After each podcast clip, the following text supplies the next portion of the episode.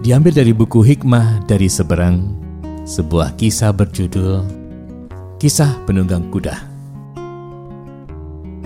Beberapa tahun yang lalu di bagian utara Virginia, petang itu udara sangat dingin.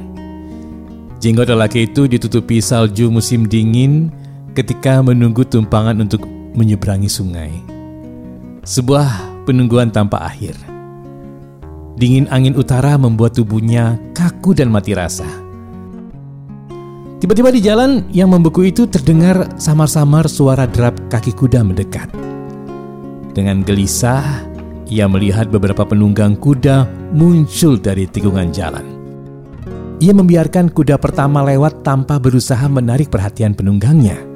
Kemudian penunggang berikutnya dan berikutnya. Akhirnya penunggang terakhir mendekati tempat ia duduk seperti patung salju.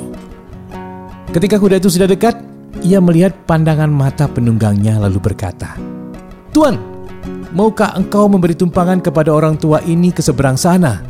Kelihatannya aku tak mungkin dapat menyeberanginya dengan berjalan kaki. Si penunggang menarik kendali kudanya lalu menjawab, Tentu, naiklah. Mengetahui orang tua itu tidak mampu mengangkat tubuhnya sendiri yang setengah buku, ia lalu turun untuk membantunya naik ke punggung kuda.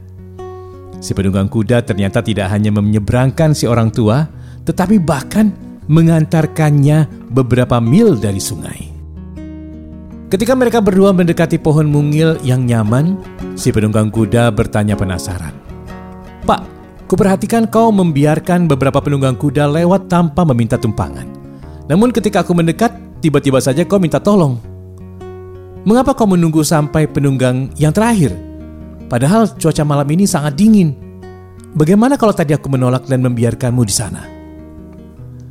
Orang tua itu perlahan-lahan turun dari kuda lalu berkata, Aku telah hidup di dunia cukup lama. Aku pikir aku bisa mengenali manusia dengan baik.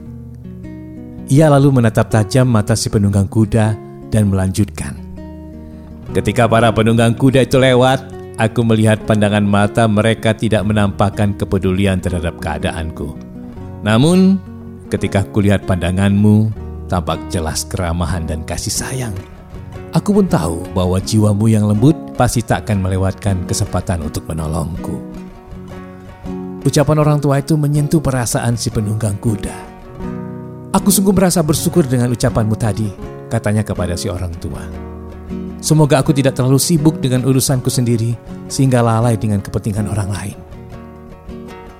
Setelah berkata demikian, Thomas Jefferson membalikan kudanya dan di kemudian hari ia berhasil berkantor di Gedung Putih.